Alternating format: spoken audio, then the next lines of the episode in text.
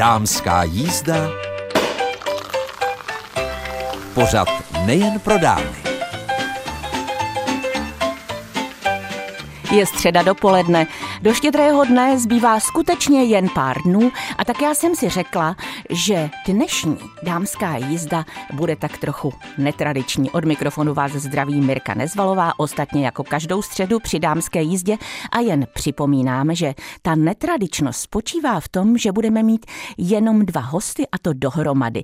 Když eh, přijedete do starého města pod Lanštejnem a odbočíte směrem doprava, nikoliv na Slavonice, tak se dostanete na konec obce Starého města a tam stojí taková budova, vlastně je to zámeček. A tento zámeček jako svoji chalupu si koupili Jana a Jan Mužákovi. Já jsem se za nimi zastavila a povídali jsme si o tom, co je k tomu vedlo, jaké to tam je. Zkrátka splnili si své přání a i když si ten zámeček nepořídili přímo na Vánoce, tak já si myslím, že i vy si můžete splnit některá svá přání, protože, jak se říká, důležité je přáci.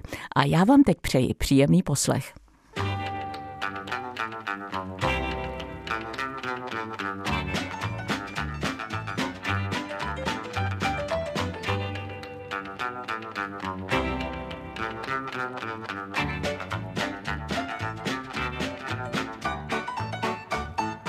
V dnešní dámské jízdě jsem se vydala na výlet do starého města pod Lanštejnem. Nevím, zda jste tam v poslední době byli, třeba jste mířili do Slavonic, ale pokud eh, chcete zažít něco zajímavého, netradičního, tak odbočte směrem na Veclov a Návary a tam najednou objevíte zámeček Dobrohoř.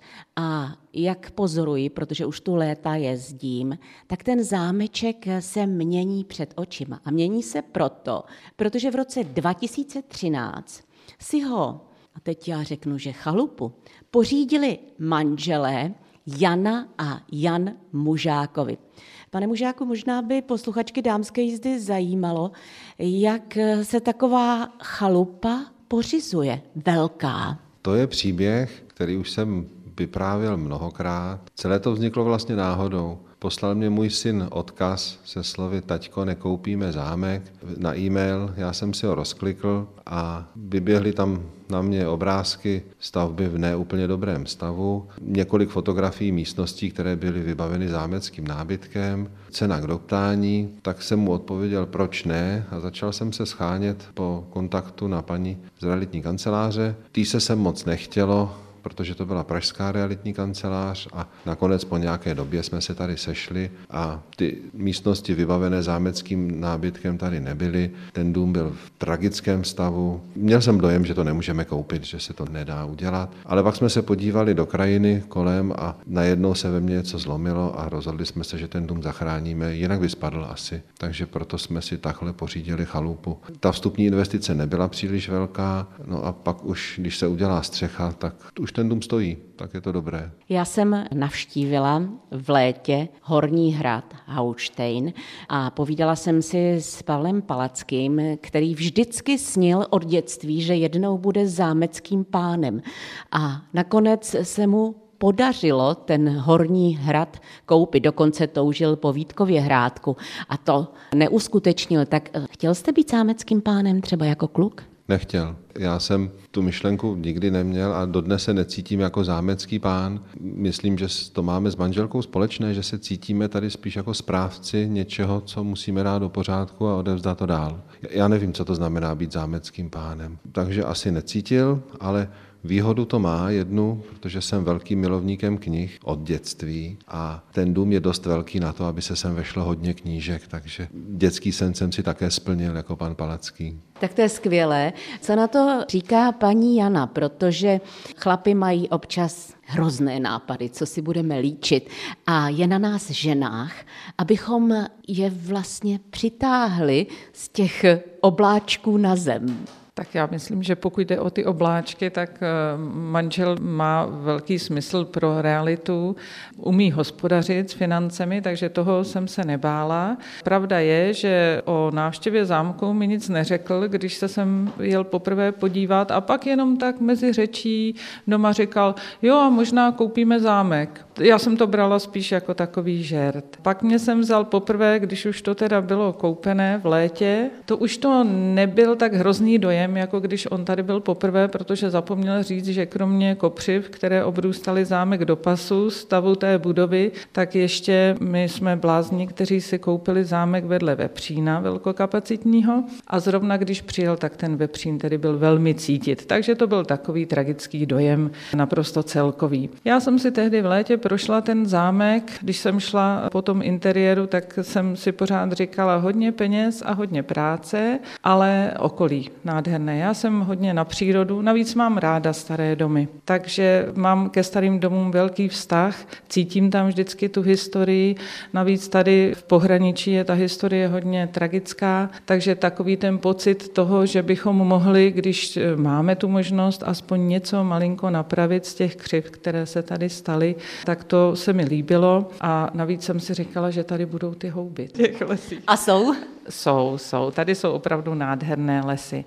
No a pak z té druhé stránky, já to vždycky vykládám všem přátelům, kteří se mě na to ptali, že zrovna byli jsme v takovém věku, o kterém se ví, že ti muži v tomto věku touží po nějaké změně. Občas se tomu říká přepřahání, což jsem si pochopitelně nepřála, tak jsem si pak řekla, že možná ta změna, že prodáme chatu a koupíme větší teda chalupu a budeme mít zase nějaký další smysl do těch dalších let, takže to vlastně není tak špatné. Tak eh, to je skvělá myšlenka. Místo milenky si muž pořídil zděnou velkou.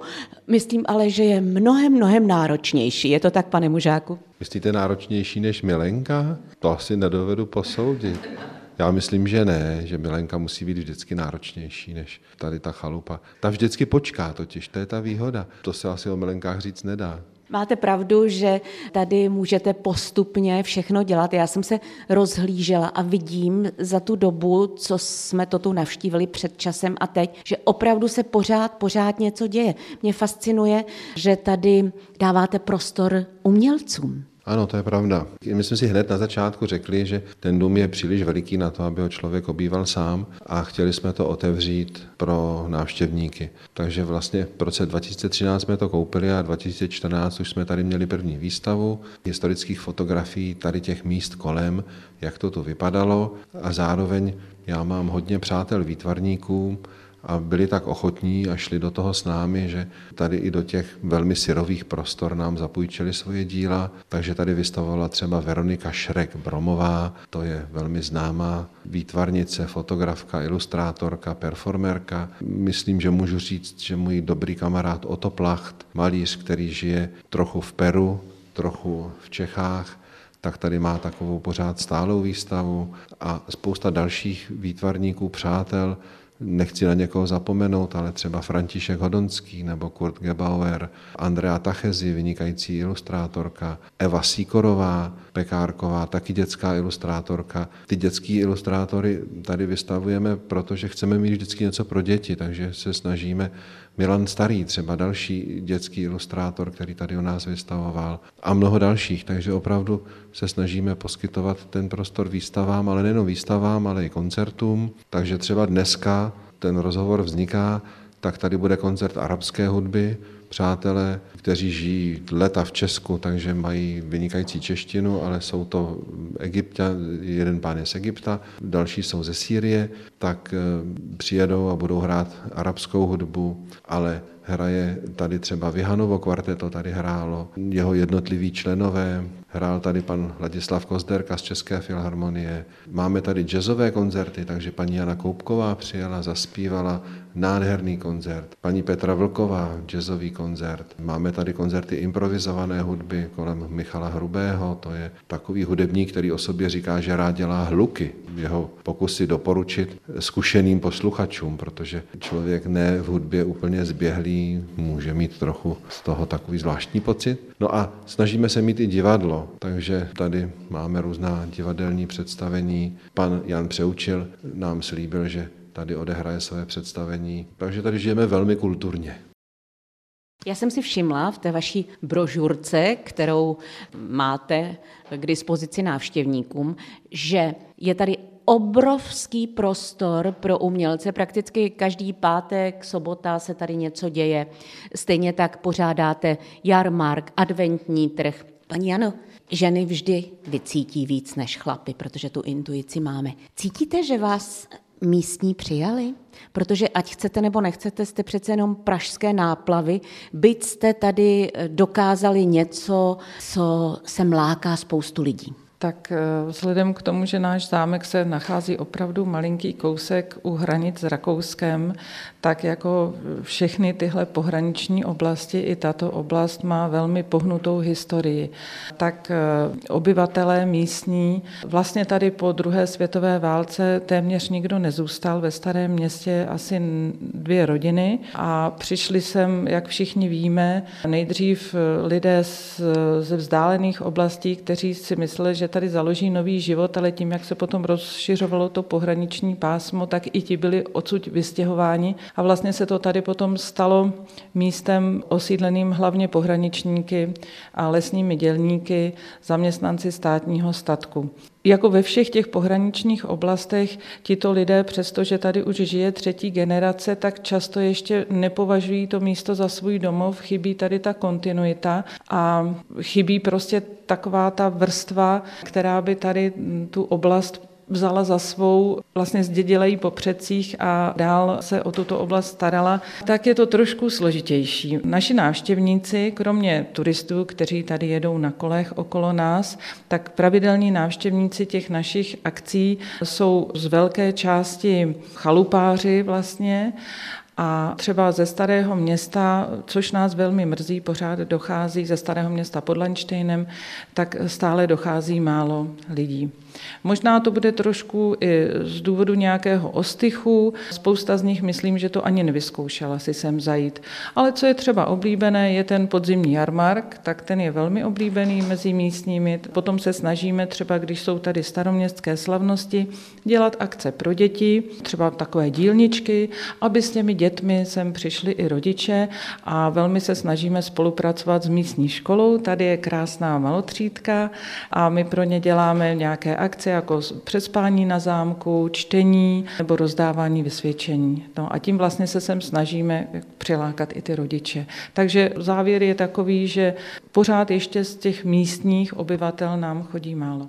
Říká Jana Mužáková, která je rovněž s manželem Janem Mužákem majitelkou zámku Dobrohoř ve starém městě pod Lanštejnem. No a po písničce nahlédneme tak trochu do historie zámku, protože vlastně je to klasicistní zámek a mě by zajímalo alespoň trochu z té historie, protože tady přece někdo musel dřív žít. Posloucháte dámskou jízdu, pořad Českobudějovického studia Českého rozhlasu a já si povídám s manželi Janou a Janem Mužákovými, kteří v roce 2013 se rozhodli sáhnout do peněženky.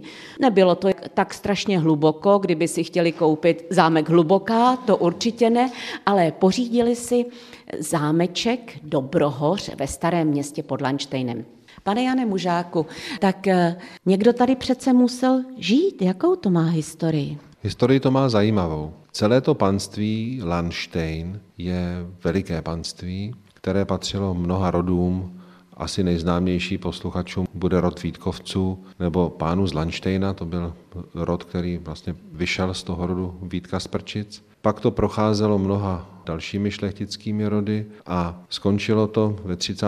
letech u rodu Herberstein Moltke, který vymřel po meči takže vymřel poslední mužský potomek a rozhořelo se 12 let trvající spory o dědictví. A je zajímavé, že během těchto 12 let na místě dnešního zámku se rozhodl vybudovat takový Lusthaus, takový dům pro radost a sladovnu. Takže tady vznikla sladovna vlastně jako komerční objekt, kde se připravoval slad. To jsme někdy okolo roku 1832-33 a vznikl tady dům, kam se asi jezdil někdo bavit. Stále trvaly ty spory dědictví, sladovna prosperovala a v roce 1842 ty spory o dědictví vyhrál rod Wenzel von Sternbach. Ten pán, který to vyhrál, se ale na zámek nikdy nedostal, ale zároveň před tím rokem 1842 se tady postavila varna pivovaru. Takže od roku 1842 až do roku 1847 to fungovalo jako pivovar. A my dneska nevíme proč. Kdo to inicioval, proč se to postavilo, jestli s tím měl někdo nějaký záměr, Nejspíš to bylo ve správě nějaké právní kanceláře, ale obvykle je, že právní kancelář se o tu nemovitost stará tak, aby to nespadlo, ale že by to rozvíjeli, to není obvyklé. Takže informace o tom úplně prvním původu ekonomické jsme nenašli, zatím nevíme, co zatím stálo, ale faktem zůstává, že v roce 1847 sem přichází vnuk toho pana Sternbacha, který to získal v dědictví a zjišťuje, že nemá z čeho to velké panství spravovat. Tady byla jako příkladu cihelna, byla tu výroba varhana harmonii, byl tu lihovar, jsou tu velké lisy, bylo tu hospodářství jak zemědělské, rostlinná výroba, tak živočišná výroba. Bylo potřeba účtovat, mít k tomu nějakou úřednickou vrstvu, lidi, kteří by to tady celé řídili. A samozřejmě, pokud jsem ten majitel přijel, tak aby měl kde bydlet. Takže se rozhodli ten pivovar přestavět na zámek. Takže říkáme, že od roku 1847 tady stojí zámeček Dobrohoř. Bohužel nedochovaly se žádné písemné záznamy nebo jen velice málo. Ty údaje, které máme, pocházejí ze stavebně historického průzkumu, z dendrochronologického průzkumu. O stavbě toho zámku se nezachovalo nic, jenom víme, že v roce 1897 dochází k velké přestavbě a tam už jsou zachované plány, takže někdy od toho konce 19. století už víme o tom zámku víc. Ta rodina Wenzel von Sternbach je zajímavá tím, že mnoho lidí se domnívá, že možná pocházeli z Čech, protože to jméno Wenzel Václav je pro nás typické. To nevíme. Na světlo dějin vystupují v Tyrolích kolem města Innsbruck, kolem dneska severoitalského města Štarcing, čili Vypiténo. O tamtať jedna větev vlastně přichází v 18. století do Čech a tady začínají žít a hospodařit. Rodina Wenzel von Sternbach ten zámek vlastnila až do roku 45, kdy na základě Benešových dekretů, protože ve 40. letech přijali řížsko-německé občanství. A to zase vždycky říkám všem návštěvníkům, víte, ono to bylo těžké. Tady se nacházíme na území, které nebylo protektorátem, bylo německou říší. Pokud žijete v té zemi, nějak tam pracujete, o něco se snažíte, tak je asi těžké nepřijmout občanství té země. Teď je to úplně aktuální problém třeba na Ukrajině, že jo, na těch okupovaných územích. Asi nemůže se nikdo zlobit na ty lidi, že přijmou občanství Ruské federace, když bychom to třeba si mysleli, že to neuděláme. Takže oni přijali řízko-německé občanství a tím pádem se na ně vztahovaly Benešovy dekrety a byl ten dům jim zabaven, ten majetek. Pak už tady chvíli nebylo nic, byla to chvíli armáda. Od roku 51, tuším, tady byl státní statek, který tu tak nějak hospodařil. Mě by zajímalo, když jste si tady procházela, paní Jano, ty místnosti a Říkala jste si po dohodě s manželem, že tady jednou budou moci přespávat návštěvníci, že tady uděláte nějaké apartmány. Tak běželo vám hlavou, čím vším to vybavíte, nebo jste si říkala, jsme blázni, takže jsme blázni, jsem si říkala od začátku. S tím, když jsem tady byla poprvé, a to jsme byli vlastně všichni ve schodě, tak my jsme vůbec o nějakém ubytování pro turisty nepřemýšleli, ani o nějakém větším občerstvovacím zařízení, a to proto, že, jak už jsem řekla, máme vedle zámku na místě bývalého zámeckého parku, který byl prý nádherný, dendrologicky cený a byl tady i takovou oázou pro místní občany, protože tam pořád pořádali slavnosti, tak ten se v 75. roce zrušil a postavil se tam velkokapacitní vepřín. Dodnes okolo toho kolují takové fámy, proč vlastně kousíček od obydleného městečka se postavilo něco takového. No a hlavně teda tím, že je to vedle zámku, tak ze začátku velmi často tady byl ten vepřín velmi cítit. Takže my jsme si říkali, to vlastně manžel neřekl, že jsme si řekli, že na ubytování to rozhodně nebude, protože kdo by v tom smradu, že to tak řeknu, bydlel a že tedy jediné, co nám zbývá, je ta kultura. Takže proto jsme to hned na začátku směřovali ke kultuře.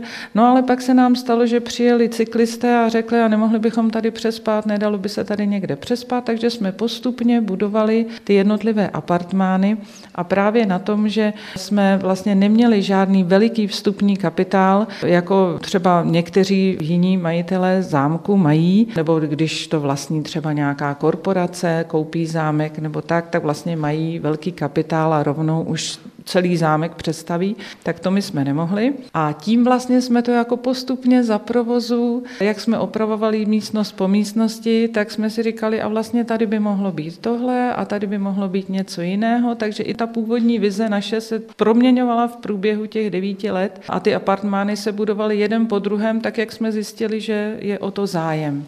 Pokud jde o vybavení těch apartmánů nábytkem, tak eh, my jsme oba dva milovníci, protože jsme v tom vyrůstali, tak jsme milovníci starého nábytku. Jehož nesporná výhoda je, že je ze dřeva a vydrží všechno. A nemáme rádi moderní nábytek, ale lidé dneska často, hlavně z dědictví, lidem zemře stará babička, tetička a oni přijdou a řeknou, ale to my nechceme, nechcete to, třeba ten nábytek. Takže některý nábytek jsme dostali úplně zadarmo od někoho. My se vždycky zeptáme jenom na stáří toho nábytku, protože chceme končit tak u těch 30. let 20.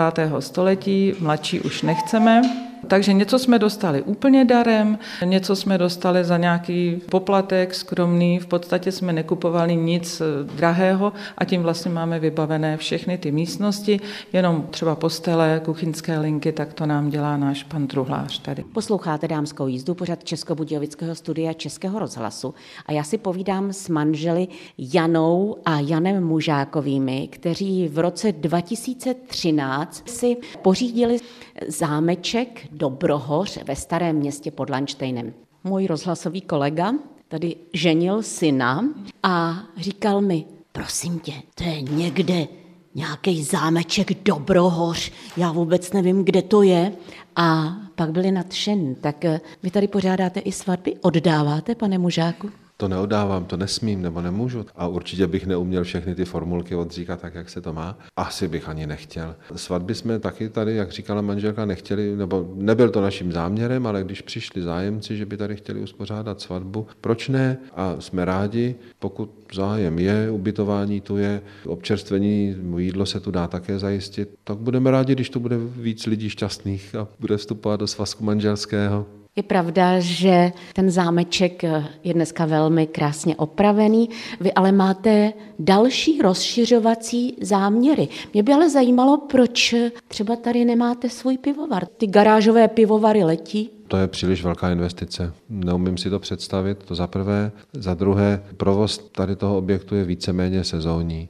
Ta sezóna trvá, dejme tomu, od května do října s tím, že květen a říjen je to takové rozpačité. Ten pivovar musí vyrábět pivo zřejmě celý rok.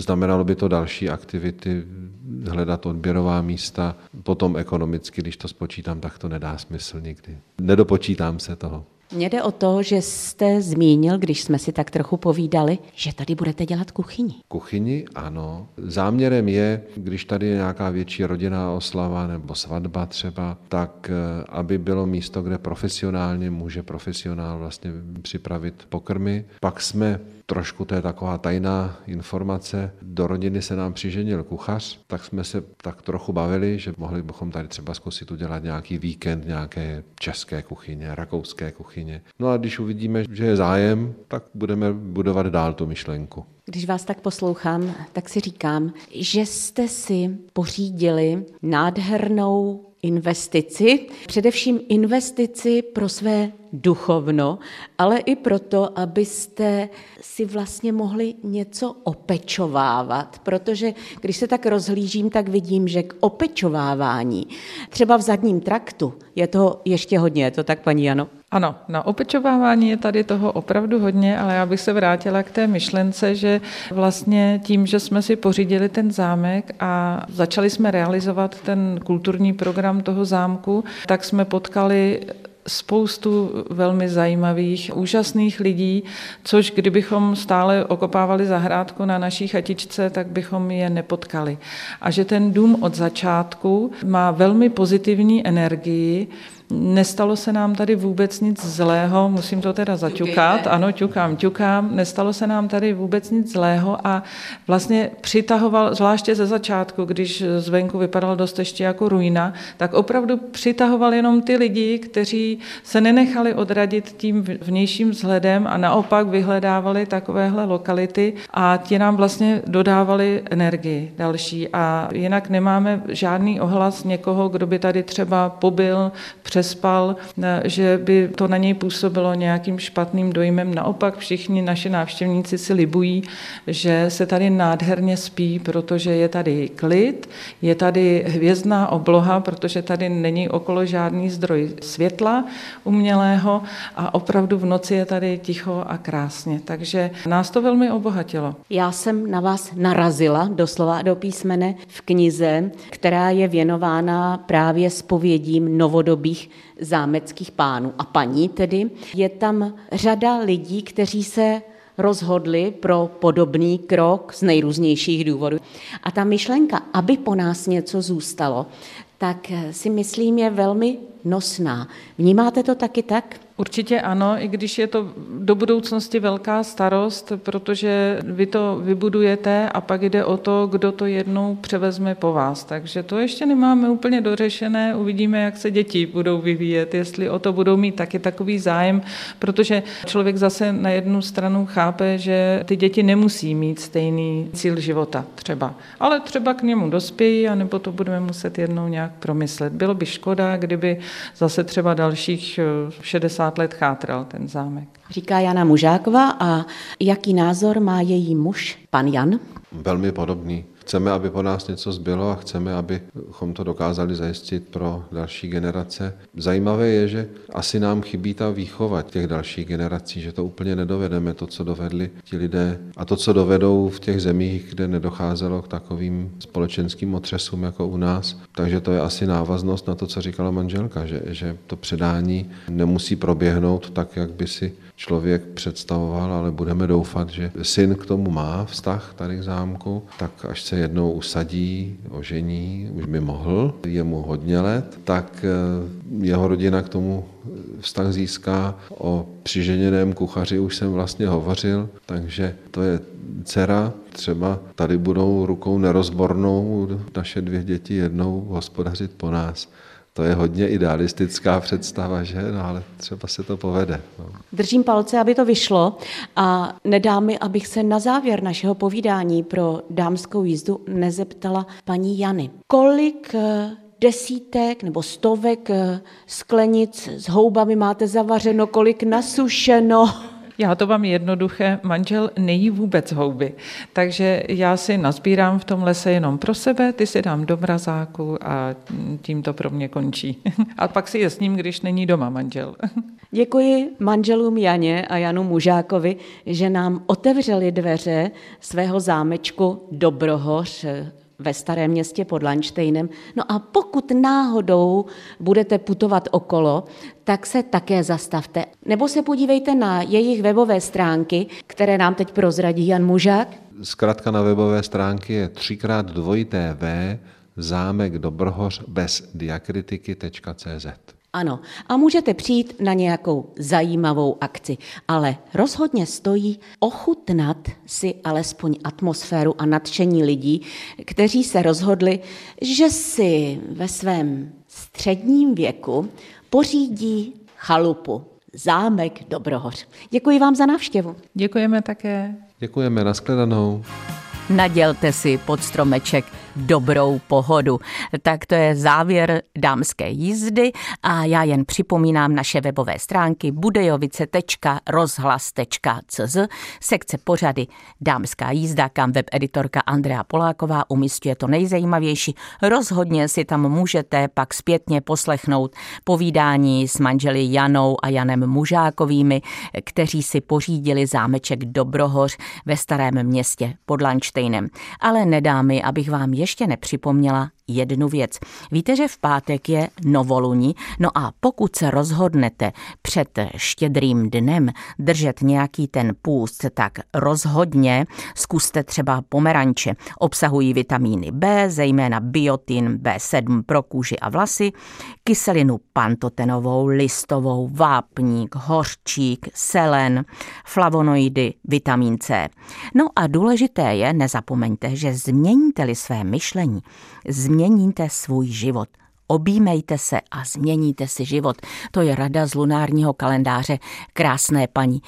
Co dodat, snad jen to, že Vánoce je časem potkávání, tak nezapomeňte potkat se se svými blízkými, potkat se s kamarády, zkrátka alespoň si třeba zatelefonovat, abyste věděli, že na sebe nezapomínáte, protože čas papírových pohlednic, tak ten už asi zmizel v nenávratnu, tak eh, vzhledem k tomu, že se mi e-mailová pošta už začala plnit nejrůznějšími přání od známých právě k času vánočnímu a novoročnímu, tak doufám, že i ta vaše.